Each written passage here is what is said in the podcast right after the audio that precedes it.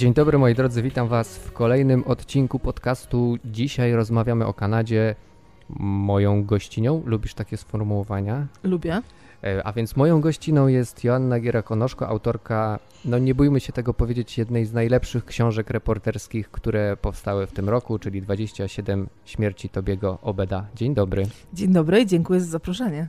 Minęło już trochę czasu od momentu, w którym Twoja książka pojawiła się na rynku. Odbyłaś wiele spotkań autorskich, spotkałaś się z pewnie setkami czytelników.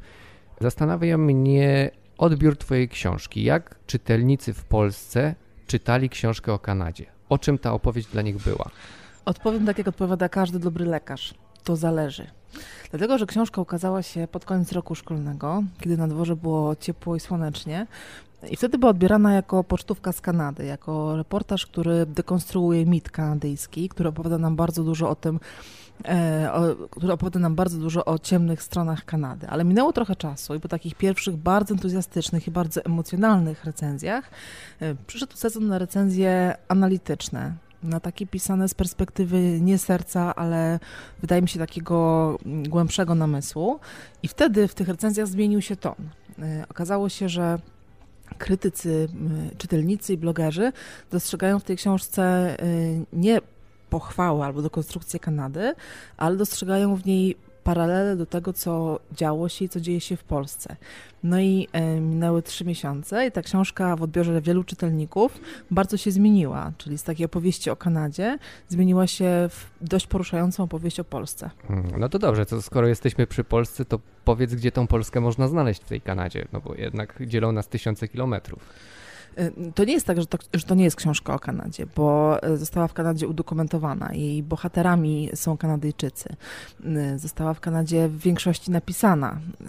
Opowiada o kanadyjskiej historii, ale to jest historia zbrodni bez kary, która jest tak uniwersalna, że mamy z nią do czynienia wszędzie, pod każdą szerokością geograficzną, także w Polsce. Historia, którą przywiozłam polskim czytelnikom, opowiada o próbach, czasem nieudolnych, czasem dramatycznych, czasem udanych, e, o próbach rozliczenia się z najciemniejszymi kartami historii. Jest to opowieść o tym, jak Kanada staje przed lustrem i widzi siebie nagą, widzi siebie w pełni.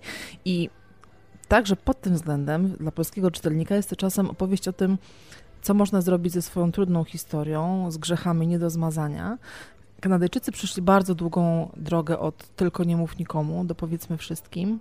I także w tym kontekście ta książka jest takim dobrym podręcznikiem nie zamazywania grzechów, e, nie naklejania plastrów na rany, tylko takiej aseptyki, takiego mówienia o tym, co stało się złego, ale mówienia o tym w, w dziennym świetle. I właściwie to jest taki może dość banalny, dość oczywisty wniosek, ale poparty wieloma rozmowami z moimi bohaterami, że bez prawdy nie ma mowy o pojednaniu, bez prawdy nie ma mowy o oczyszczeniu. I także w tym kontekście e, ta książka rezonuje w bardzo wielu polskich czytelnikach, którzy mówią o tym na spotkaniach, też czasem piszą. To uważam, że te wiadomości, te maile przychodzą szczególnie wieczorem, kiedy jest taka chwila, e, chwila oddechu, chwila spokoju i myśli kumulują się. Bardzo wielu czytelników mówi, że jest to książka bardzo o Polsce.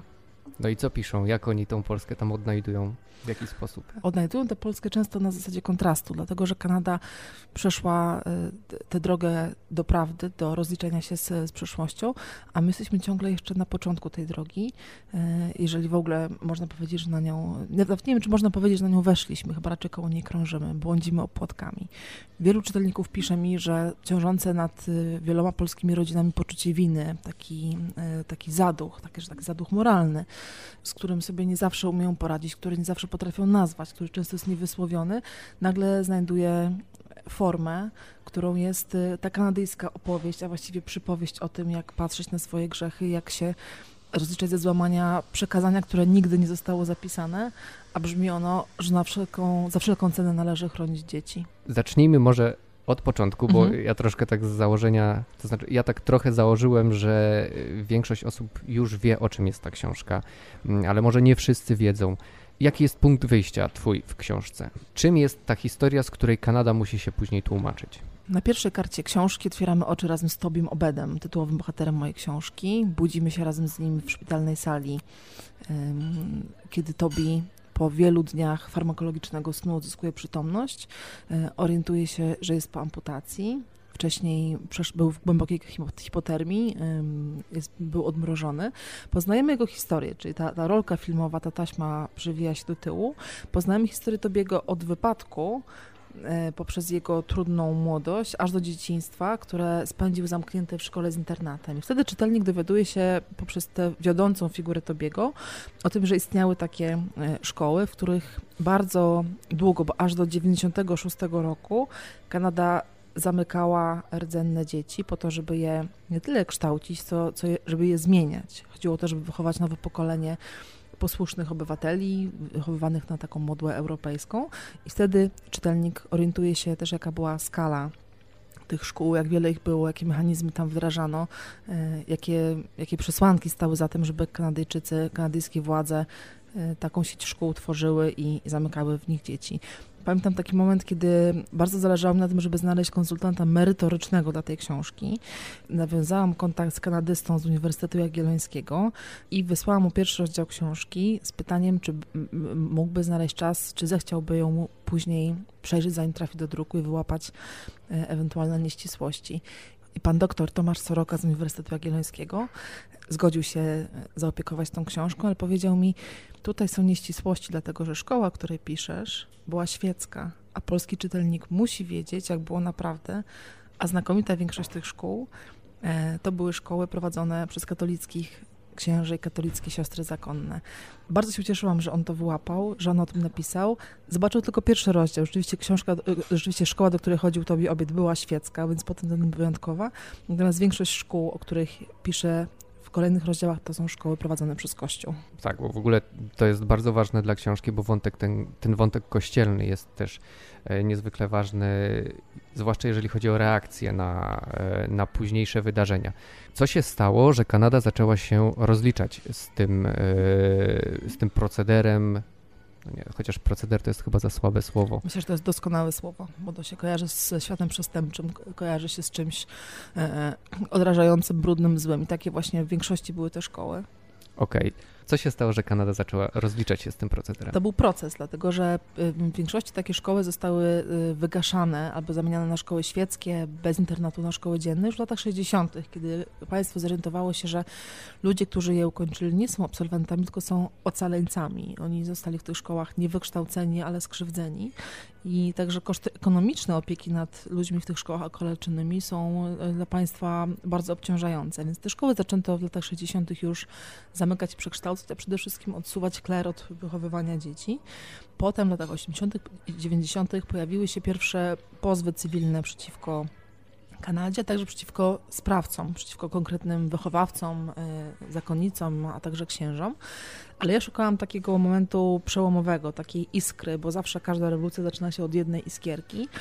I dla mnie takim momentem było 8 minut wywiadu telewizyjnego, w którym e, jeden z prominentnych kanadyjskich polityków, Phil Fontaine, rdzennego pochodzenia, powiedział na oczach osłupiałej publiczności: Ja także byłem molestowany w jednej z takich szkół. I to był przełom, po którym Kanada Y, Kanada nie tyle się obudziła, ale Kanada zyskała odwagę mówienia o tym, co te dzieci w szkołach z internetem spotykało. Dlatego, że następnego dnia po emisji tego wywiadu do redakcji zaczęły przychodzić tony listów od innych ocaleńców, bo bardzo długo Kanada się wszystkiego domyślała, ale o tym nie mówiła. Bardzo często ludzie, którzy byli w takich szkołach zamknięci, którzy, którzy, przez nie, którzy je przetrwali, o tym, co tam się działo, nie mówili nikomu, nie mówili także swoim najbliższym. I to, że na antenie e, ogólnokrajowej stacji telewizyjnej powiedział o tym ktoś prominentny, ktoś, kto był szanowany, ktoś, kto był wielką figurą, dodało odwagi wielu ocaleńcom. I to był taki moment dla mnie najbardziej uchwytny, kiedy Kanada zorientowała się, że bardzo długo na coś patrzyła, ale tego nie widziała. No i później zaczyna się ten, ten proces y, przede wszystkim debaty na ten temat y, i pojawiają się y, takie propozycje mm, po pierwsze zadośćuczynienia, pojednania i jak to się odbywa wszystko w czasie i jakie były najważniejsze momenty tego procesu? To idzie jak po grudzie, bo to jest taki proces oczyszczania rany, który nie jest przyjemny ani dla pacjenta, ani dla lekarza, który się tym zajmuje.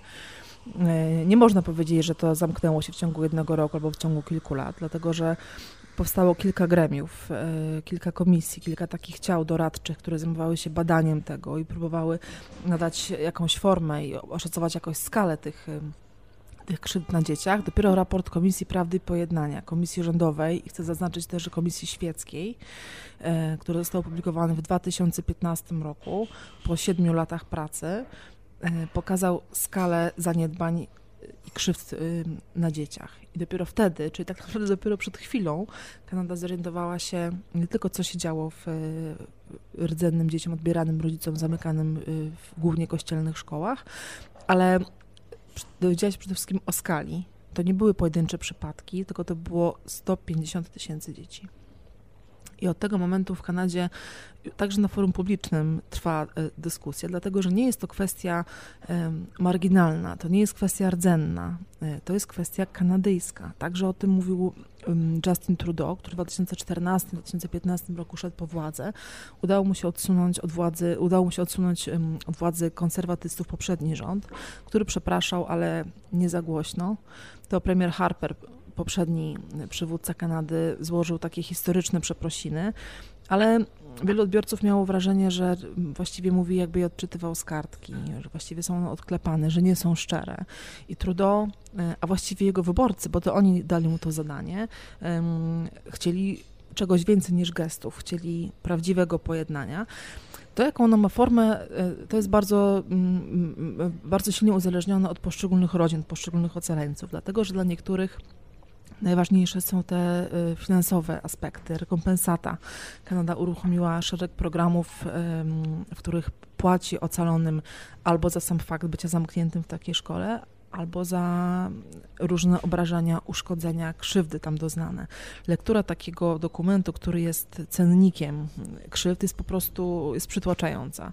Tak, bo tam się wycenia jakby zło. Prawda? Tam się wycenia, na, na dolary tak, się przelicza. Tak, tak. Konkretny uczynek, konkretna krzywda e, na dziecku, bo chcę to podkreślić, że, to, że, że chociaż ocaleńcy mają dzisiaj 45-55 lat, mm, no to cały czas mówimy o tym okresie, kiedy, okresie ich życia, kiedy byli dziećmi.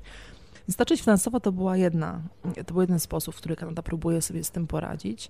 E, drugi to, to są przeprosiny i bardzo dużo mm, e, takich symboli bardzo dużo gestów. Premier Trudeau, e, który niedawno wygrał chociaż o włos wybory, więc dostał mandat na kolejne cztery lata kierowania kanadyjskimi, kanadyjską polityką i zewnętrzną, i wewnętrzną, gdzie ten aspekt rdzenny jest cały czas bardzo, bardzo obecny. Premier Trudeau pielgrzymował po różnych ośrodkach, po różnych miastach, stawał przed mieszkańcami Kanady i przepraszał. I nie były to nigdy przeprosiny wydukane, nie z kartki, tylko on um, stawał w takim otwartym geście, rozpościerał ramiona, pokazywał otwarte dłonie i bardzo często płakał.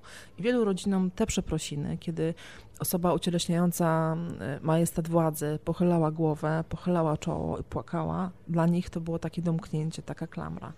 Podziwiam Kanadę za skalę, za rozmach, w jakim, z jakim przeprasza, z jakim stara się naprawić krzywdy nie do naprawienia. Z drugiej strony ta droga do pojednania nie jest łatwa. Jest, jest bardzo kręta, jest wyboista. Ten proces jest niedoskonały, czasem krzywdzący, czasem niesprawiedliwy dla ocalonych. E, ustalono na przykład takie sztuczne cezury, e, że dzieci, które były w szkole do tego i tego roku podlegają, mogą prosić o przeprosiny, a, a, ich rodzice albo starsze rodzeństwo już nie. Mamy cezury czasowe, mamy cezury geograficzne. Nie chcę tutaj y, spoilerować książki, ale Tobi Obed w pierwszej transzy nie został przeproszony. Kiedy w 2008 roku y, premier Harper przepraszał kanadyjskie dzieci, przeprosił wszystkie, poza tymi w Labradorze Fundlandii. Ale to jest świetne stwierdzenie, to znaczy takie przerażające. W pierwszej transzy nie został przeproszony. Nie został przeproszony, dlatego że Kanada uznała, że, że ziemia, na której stała szkoła, w której Tobi był krzywdzony, nie należała e, przez jakiś czas do, e, dołączyła do, do Konfederacji Kanady dopiero w 1949 roku, dlatego Kanada się nie, po, nie poczuwa. Ewentualne zażalenia należy zanieść do Pałacu Buckingham, a nie do, a nie do kanadyjskiego rządu. I to jest moment e, też dla książki przełomowy, bo wtedy Tobi strasznie się irytuje i uznaje, że jego cierpienie nie jest mniej warte od cierpienia dzieci, które były krzywdzone w sąsiedniej prowincji. Idzie do sądu dla mnie też taką niesamowitą figurą jest prawnik, który tobie go reprezentuje, bo, e, bo nie jest to postać kryształowa, bo e, jest to człowiek, który wychował się na dalekiej północy i widział, jak znikają sąsiedzi, jak znikają dzieci z sąsiednich domów, dlatego że są rdzenne i są zabierane do szkół z internatem. I przez całe życie e, on i jego sąsiedzi domyślali się, co tam się dzieje. Używam takiego sformułowania, które moim zdaniem bardzo dobrze pasuje. E, piszę w książce o tym, że Kanadyjczycy wiedzieli, nie wiedziała Kanada. E, I, I, prawnik Steven Cooper w pewnym momencie, jako już dorosły, uznany jurysta, który jest cywilistą, jest prawnikiem, który wygrywa spory cywilne, e, decyduje się przyjąć sprawę Tobiego i upomnieć się o niego i inne dzieci w Labradorze. Robi to także dla siebie. Robi to także dlatego, że przez 30 czy 40 lat wiedział i nic z tym nie zrobił. Więc jest to dla mnie figura fascynująca, bo przechodzi od, od takiego zaprzeczenia, od, od, mm, od stania z boku do tego, że staje się głównym aktorem, staje się siłą napędową i to on pozywa Kanadę i to on wyszarpuje od kanadyjskiego rządu historyczne odszkodywania. E, książka, którą polskiemu czytelnikowi przywiozłam, ma bardzo wiele takich postaci, z których każda jest wieloformatowa, wielowymiarowa e, i to mi się wydaje w tym najciekawsze. Nie tylko same historie, nie tylko fakty historyczne, ale to, jaką drogę przeszli moi bohaterowie, to, że oni są niejednoznaczni, że oni są wszyscy szarzy, że nie ma tam czerni i bili, nie, masz, e, nie ma tam katów, którzy są jednoznacznie negatywni, nagle się okazuje, że bardzo wielu krzywdzicieli samych było krzywdzonych. Czasem okazuje się, że ofiara, której współczuję przez 30 kart książki, sama się okazuje krzywdzicielem. Te role się zmieniają w zależności od tego, jak ustawiamy reflektor. I to mi się wydaje w reportażu najciekawsze. Tak, jeszcze jest taka sytuacja, że rodzice, którzy byli wychowywani w tych szkołach, y, posyłali później do nich dzieci, nawet do tych samych nauczycieli. Do tych samych nauczycieli, do tych samych placówek, tak? Już dlatego, że byli wychowywani do posłuszeństwa i nie mieściło się w ich systemie wartości sprzeciwienie się y, autorytetowi i człowiekowi o białej skórze, i człowiekowi, który nosi e, krucyfiks na piersi. Właśnie, a propos ludzi, którzy noszą krucyfiks na piersi, Kanada przeprasza, przeprasza rząd, ale Kościół nie przeprasza. Kościół, który chyba w 90% prowadził te szkoły, nie wiem jakie tam są dokładnie. 70%, te... Okej, okay, 70. Dlaczego Kościół nie przeprasza?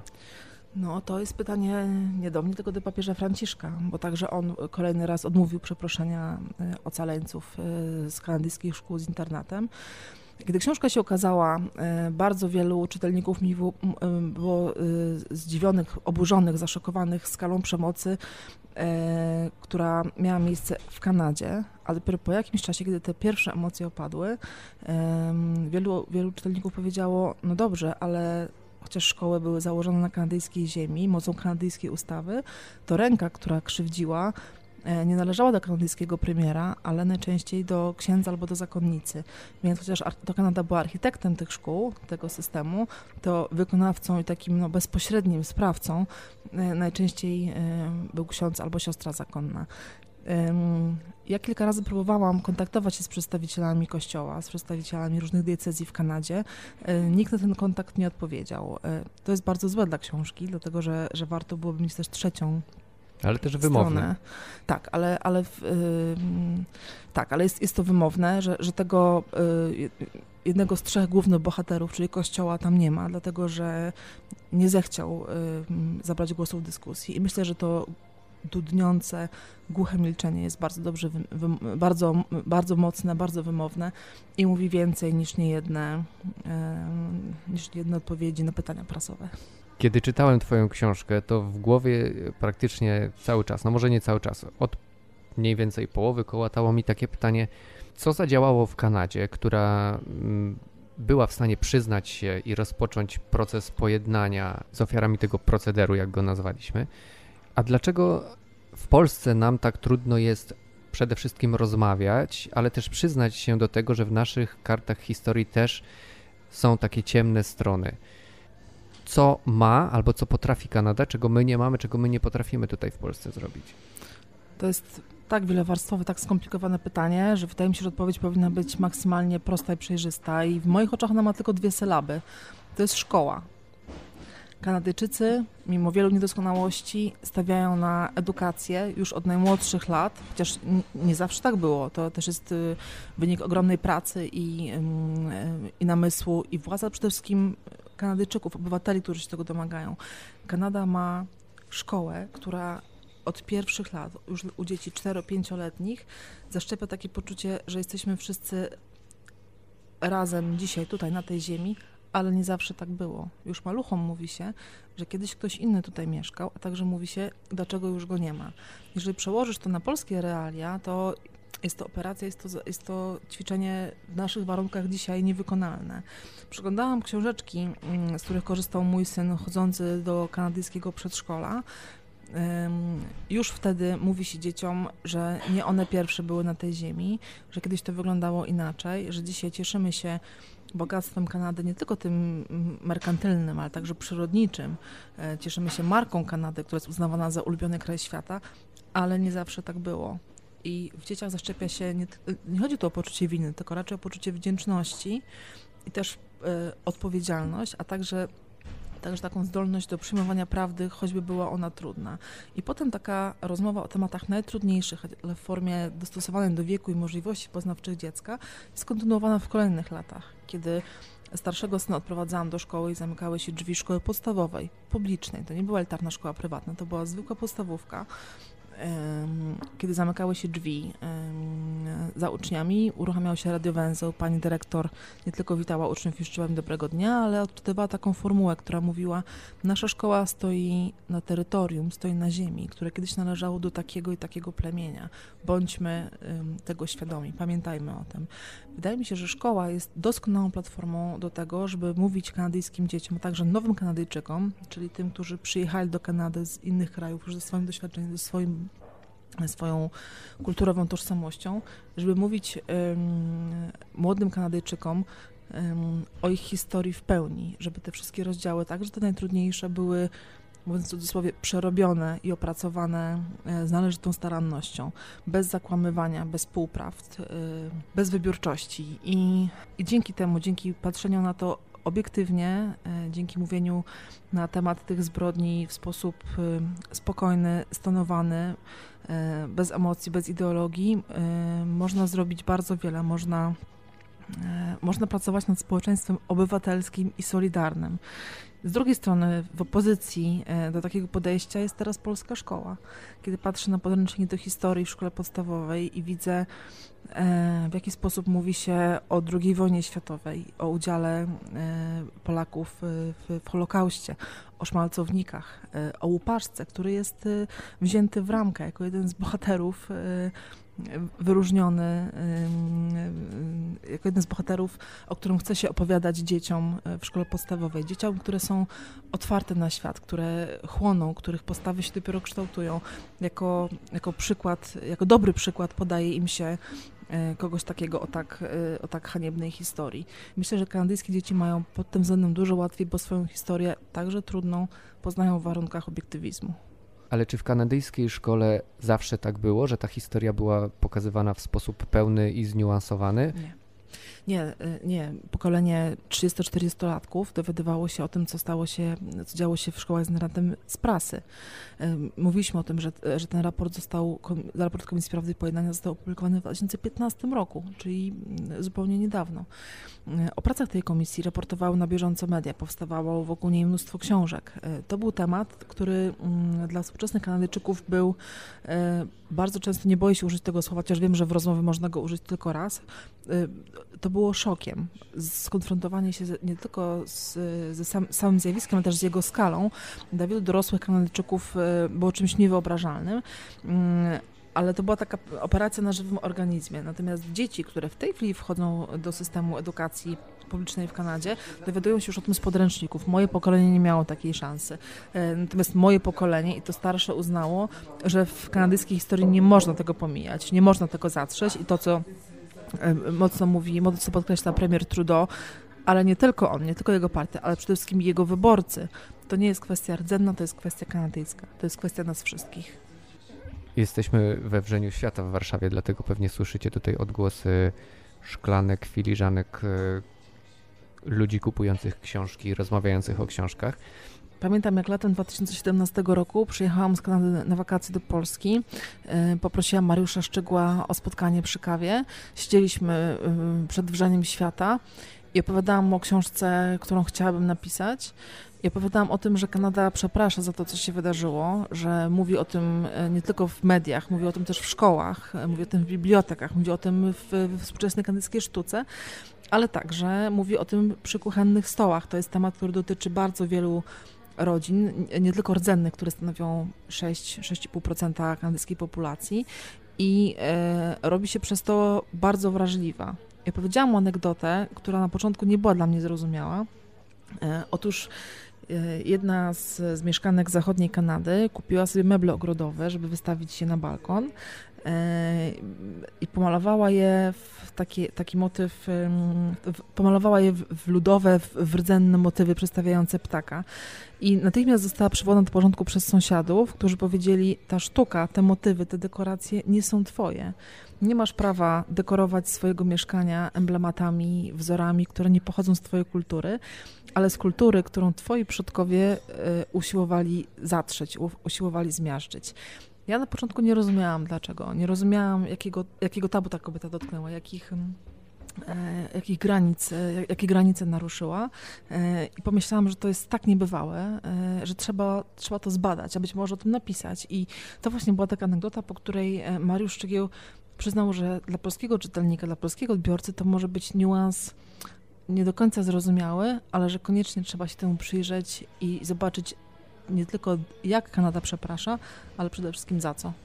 Tak, bo to jest coś, czego my nie rozumiemy w Europie, mhm. bo my jesteśmy, my jesteśmy wychowani w takim świecie, w takiej kulturze, w której wszystko się przenika, każdy od każdego coś bierze. Mhm. No i właśnie, dlatego trudno nam zrozumieć, że ktoś, kto maluje sobie meble ogrodowe we wzorki, może robić coś złego, bo czerpie z tej kultury, tej, kultu, tej kultury. Mhm. W pierwszej myśli pomyślałem, że, mm, no, że ta kultura, z której się czerpie, powinna być dumna, no bo jednak Żyje. Żyje, tak, no czerpiemy z niej, więc uznajemy ją za wartościową w jakiś sposób. Mhm. Więc dlaczego to jest takie, takie źle widziane i, i dlaczego to jest też przełamanie, nie, nie przełamaniem tabu, tylko Naruszeniem tabu. Naruszeniem tabu, mhm. tak. No właśnie tak myślimy my, my wykształceni na polskich uniwersytetach, my wychowani w Polsce, w Hiszpanii, y, podróżujący po Europie, wychowani w tej, mm, w tej kulturze basenu Morza Śródziemnego, gdzie kultury się przenikają, gdzie e, można było mieszkać w tej samej wiosce przez całe życie, ale w tym samym czasie żyć w trzech czy czterech różnych państwach. E, ze względu na naszą, ze względu na naszą europejską historię przywykliśmy do tego, że mieszają się narodowości, prądy kulturowe i, i systemy prawne, ale w Kanadzie było inaczej. Tam była kultura e, rdzenna, która została e, prawie doszczętnie zatarta przez, przez kolonizatorów, którzy, przez osadników, którzy przypłynęli z Europy i rdzenni Kanadyjczycy nie są dumni z tego, że ich wzory, ich dorobek kulturalny, ich języki, e, ich literatura są w w, głównym nurcie powielani bez żadnych tantiem, bez żadnego um, ukłonu w stronę rdzennych twórców. Oni chcą swoje dziedzictwo ochronić, ale chcą też mówić skąd, skąd ono się wzięło, skąd ono pochodzi. Kilka lat temu e, w Vancouver zorganizowano olimpiadę zimową i w logotypie tego wydarzenia była taka figurka zbudowana z kamieni. To jest taki inukszuk, który się buduje na dalekiej północy. E, świat się tym zachwycił, zachwycił się tą małą architekturą. Ale rdzenni Kanadyjczycy byli oburzeni, dlatego że, że biuro organizatorów nie konsultowało tego z rdzennymi samorządami, nie poprosiło o zgodę na wykorzystanie świętej figury. Czyli to jest dla nich taka powtórna kolonizacja kultury? Tak, powtórna, powtórna kolonizacja, e, bardzo często nazywana po prostu kradzieżą. Dla nas to jest inspiracja, dla nich jest to, jest to zabór, jest to kradzież. Myślę, że nie ma to wiele wspólnego z taką hiperwrażliwością, czy z polityczną poprawnością, z poprawnością polityczną, ale raczej z perspektywą. Myślę, że to jest kwestia perspektywy. Czemu nie przyjąć, że y, rdzenni twórcy, rdzenni Kanadyjczycy czują się okradani? Tak jak w polskich mediach dziennikarze mogą planować swoją pracę, bo wiadomo, że przed 1 listopada na łamach prasy będą komunikaty o akcji Znicz, to, to się u nas wydarza zawsze. Tak samo w Kanadzie e, wiadomo, że na przełomie e, listopada, e, na przełomie października listopada będą teksty na temat tego, że znowu jakiś sklep wystawił kostiumy indiańskie, indiańskie przebrania na Halloween. Te lekcje Kanada odrobiła dawno, chociaż ciągle zdarzają się przypadki łamania takiej zasady, że nie bierze się cudzej świętości, cudzych regaliów za kostium. nie wolno się przebrać za Indianina, bo jest to krzywdzące wobec rdzennej kultury. Dla nas ta perspektywa może być e, taka hiperpoprawna politycznie, może być niezrozumiała, może być fanaberią, dlatego że bardzo mało wiemy o tym, co rdzennym dzieciom się wydarzyło, ale jeżeli dowiadujesz się o tym, w jaki sposób były krzywdzone, jak ta machina na bardzo wielu polach robiła wszystko, żeby tej rdzennej tożsamości e, kanadyjskie dzieci pozbawić, to wtedy, wtedy wiesz, że masz do czynienia nie z kostiumem bajkowym, tylko e, z, z, z odzieżą, z formą ofiary. Przedstawiłaś teraz kolejny klucz do interpretacji Twojej książki, no bo to jest po pierwsze yy, opowieść o tym procederze, o tym ludobójstwie Mhm. wręcz, jak nazywają to Kanadyjczycy. Yy, To jest opowieść właśnie, która dekonstruuje mit tej Kanady jako ulubionego kraju świata i znowu, tak jak yy, rozmawialiśmy, to jest też yy, opowieść o tym, jak sobie wrócić, jak państwa radzą sobie, jak państwo Kanada radzi sobie z czarnymi kartami w historii. I tak jak powiedzieliśmy na samym początku, to jest też opowieść o Kanadzie, ale którą można bardzo mm, odnieść sobie do polskiej historii. I właśnie dlatego ta książka jest taka dobra. Że ma tyle kluczy, tam można sobie szukać yy, i, za każdym razem czytając odnajdywać coś, yy, coś nowego dla siebie. To tyle, bardzo dziękuję Ci za rozmowę. To ja bardzo dziękuję za zaproszenie i za taką spokojną, mądrą rozmowę o rzeczach, których są fundamentalne, najważniejsze, a na które nie zawsze znajdujemy odpowiednie słowa. Jeszcze raz polecam Wam bardzo 27 śmierci Tobiego Obeda. Świetna książka. Pisałem o tym w recenzji. Mówię teraz to tutaj. Jeżeli macie coś przeczytać w tym roku, to, to właśnie tę książkę i jeszcze Płuczki Pawła Piotra Reszki, bo to jest też taka książka o pamięci, o tym jak pamiętamy i dlaczego czasami nie pamiętamy. Dziękuję, że słuchacie tego podcastu do końca. Jeszcze raz dziękuję Ci za rozmowę i do usłyszenia następnym razem. Dziękuję, a ja czekam na listopadowe płuczki.